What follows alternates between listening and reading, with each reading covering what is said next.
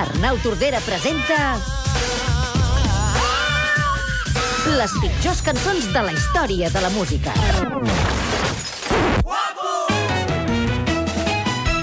Guapo, m'ho diuen quan passejo.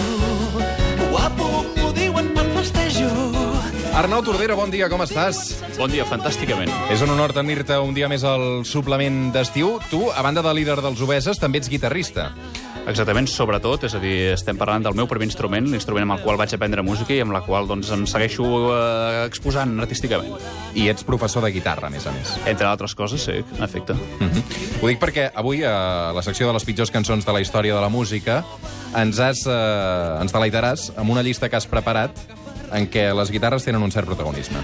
Exacte, de fet, és un tema que em toca directament, perquè, com bé comentes, doncs, és el meu instrument principal, encara que també sigui cantant. La guitarra és pròpiament el meu, el meu instrument i el considero com a tal, i és una cosa que m'afecta molt directament. Eh, una secció eh, on he seleccionat eh, cadascun dels que, des del meu punt de vista, són els pitjors solos de la història de la guitarra elèctrica. Eh, el primer, evidentment, no hi podria faltar per res, So Lonely de Police.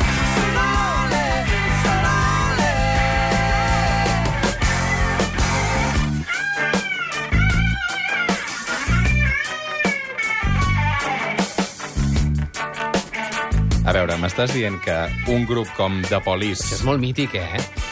que Sting, un personatge d'aquestes característiques, mereix... Tu creus que mereix pertànyer en aquesta secció, Arnau? Bé, en aquest cas, com bé saps, m'estic referint únic i exclusivament als solos de les cançons en qüestió, i en aquest cas el bon amic Andy Summers, grandíssim guitarrista d'altra banda, doncs no va tenir el seu millor dia. Eh, és, és ben sabut que aquest... Mala digestió té qualsevol. Sí, no, no, exacte. No, no, no vull ni imaginar quines van ser les circumstàncies. És, és sabut que el disc es va, guanyar, es va enregistrar en, en condicions complexes i... Què vol dir això? Per què?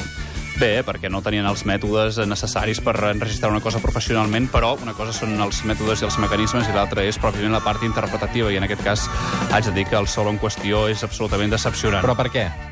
Bé, doncs ho és per molts arguments. Un d'ells és la incoherència absoluta amb la peça, que d'altra banda és prou atractiva en, en tot el seu desenvolupament, i de cop doncs, irromp un solo que no és ni necessari, eh, executat de manera, com comento, absolutament deficient en tots els sentits, i que des del meu punt de vista trenca i embruta una peça que si no fos per aquest solo seria una bona cançó. Molt bé. Alguna altra banda que després d'aquesta... Si ens truca Sting, l'atendrem al telèfon, evidentment tant, el saludarem. Vull dir que si està escoltant Catalunya Ràdio, que és bastant probable, a 93 201 7474, en directe, cara a cara, Arnau Tordera, Sting. Alguna altra banda que es mereixi pertànyer en aquesta secció, Arnau? Sí, home, eh, evidentment n'hi ha moltíssimes, però dins de la meva selecció, eh, la següent i absolutament remarcable és eh, Love Gun de Kiss.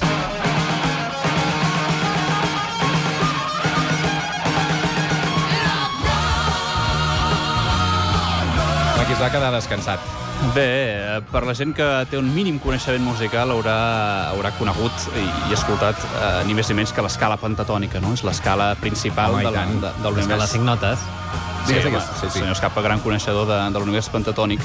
doncs estem parlant d'una escala que forma part de l'estètica del rock, d'acord? Però el que no forma part de l'estètica del rock és la simplicitat amb la qual està executada. És a dir, és una escala gairebé eh, interpretada de, de baix a dalt amb una formulació que, que, des del meu punt de vista, gairebé és una de les coses que crec que es fan fer el tercer dia de classe de guitarra, no? És, és exactament així. És dir, el Aquell dia devia fer campana. el tercer dia de classe de guitarra fas un exercici que consisteix en interpretar, de fet, aquest solo. No?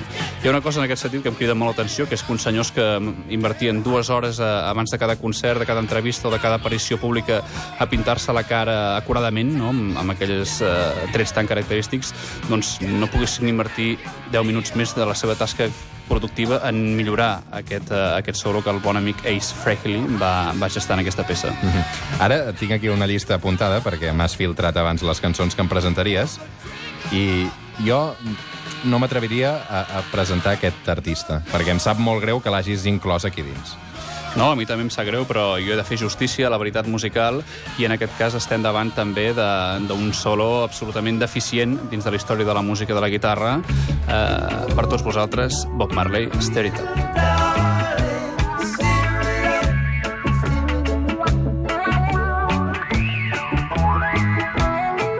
Soroc que ha esdevingut clàssic ja, no? És allò universal. La cançó en qüestió. El solo no. Escolta el solo, Val, sisplau. som-hi, a veure.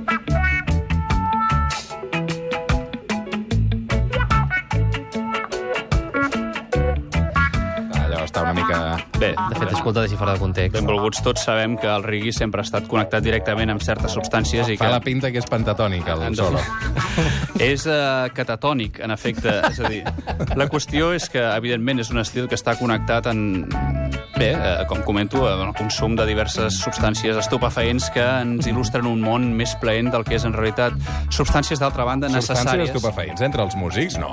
No, no, en absolut, és un, és un mite, no? Però en aquest cas, diguéssim que aquesta peça va estar gestada sota aquests efectes, com també la possibilitat de gaudir-ne des del punt de vista de l'escolta. Veig difícil gaudir d'una peça d'aquestes característiques si no s'acompanya també d'un estat eh, similar al que patia el, el guitarrista a l'hora d'enregistrar el seu solo. Mm -hmm. Peter Tosh era l'artista en qüestió. Doncs des d'aquí una forta abraçada, no sé si encara és viu o mort.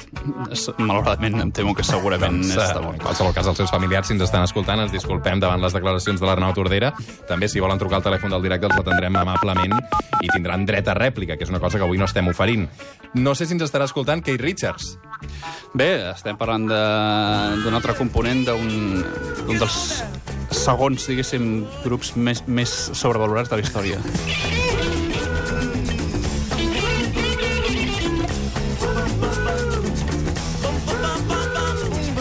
Entenc que els Rolling Stones és el segon grup més sobrevalorat de la història, el primer deu ser els Beatles. Exactament, exactament, sí, sí. Ja vaig fer-ho constant en un altre programa.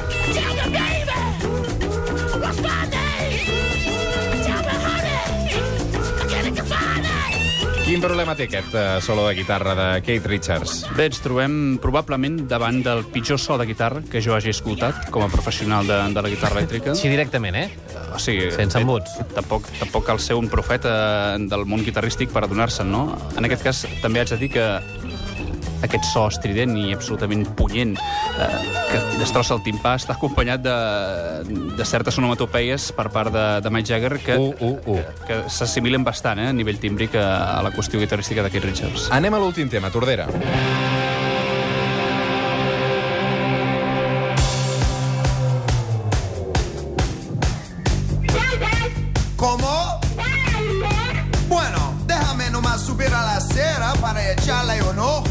Que es motinos escocidos, això, Tordera?